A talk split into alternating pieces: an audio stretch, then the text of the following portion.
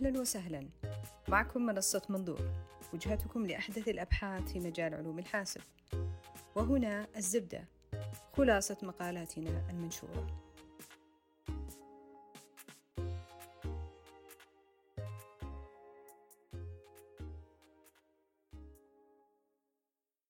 يقولون صوتك قوة.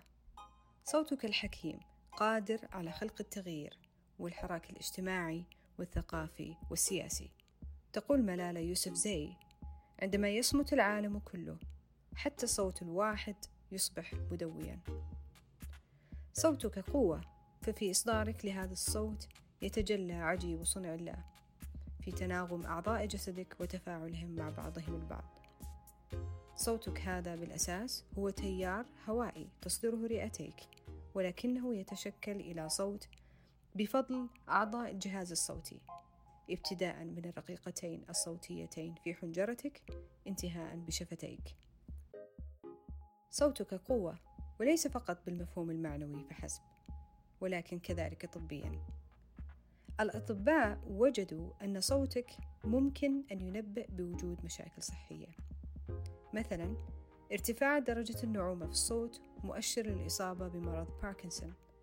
وكذلك التغيير في ترددات الصوت يمكن أن تشير بالإصابة بتصلب الشرايين.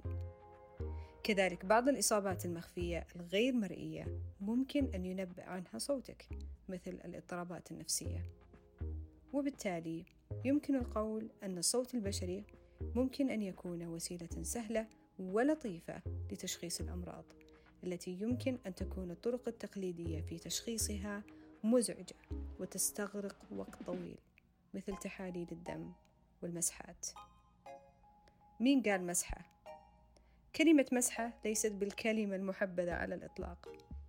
كلمة مسحة تعني طابور طويل ولحظات حبلى بالقلق والتوتر.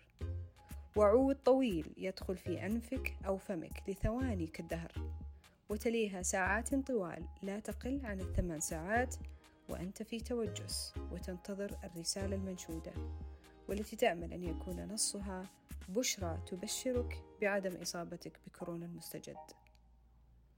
سؤال المرحلة: إذا كانت الأصوات البشرية يمكن أن تساعد في تشخيص الأمراض، هل ممكن كذلك أن تنقذنا من رحلة المسحة الطبية البرمودية لتشخيص كورونا؟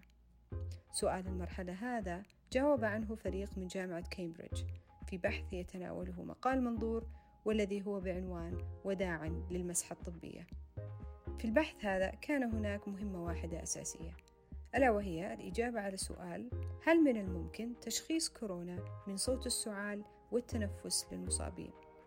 يعني هل لصوت السعال والتنفس لمصابي كورونا خصائص مميزة يمكن استخدامها للتفريق بين صوت السعال العادي أو سعال الربو وللإجابة على هذا السؤال جمع الباحثون عينات صوتية والأعراض مما يقارب سبعة ألاف شخص باستخدام أسلوب الحشد الجمعي أو الكراود سورسينج يعني جمعوا أصوات التنفس والسعال من هؤلاء الأشخاص باستخدام موقع مخصص وكذلك باستخدام تطبيق على الجوال. وطلب الباحثون كذلك المشاركين الإفصاح عن الأعراض التي يشعرون بها وفي حال قيامهم بعمل المسحة وما هي نتيجة هذه المسحة. أخذ الباحثون بعد ذلك العينات الصوتية وبدأوا باستخلاص المميزات أو السمات المهمة مثل مدة السعال، تردده وإيقاعاته. ومن هذه السمات بدأوا ببناء نماذج تعلم آلة بسيطة جدا فقط للتأكد إذا كان بالإمكان التمييز بين سعال كورونا من بين السعال العادي أو سعال الربو. النتيجة كانت ممتازة. نماذج الذكاء الاصطناعي استطاعت بشكل فعال أن تميز سعال كورونا وهذا شيء كبير.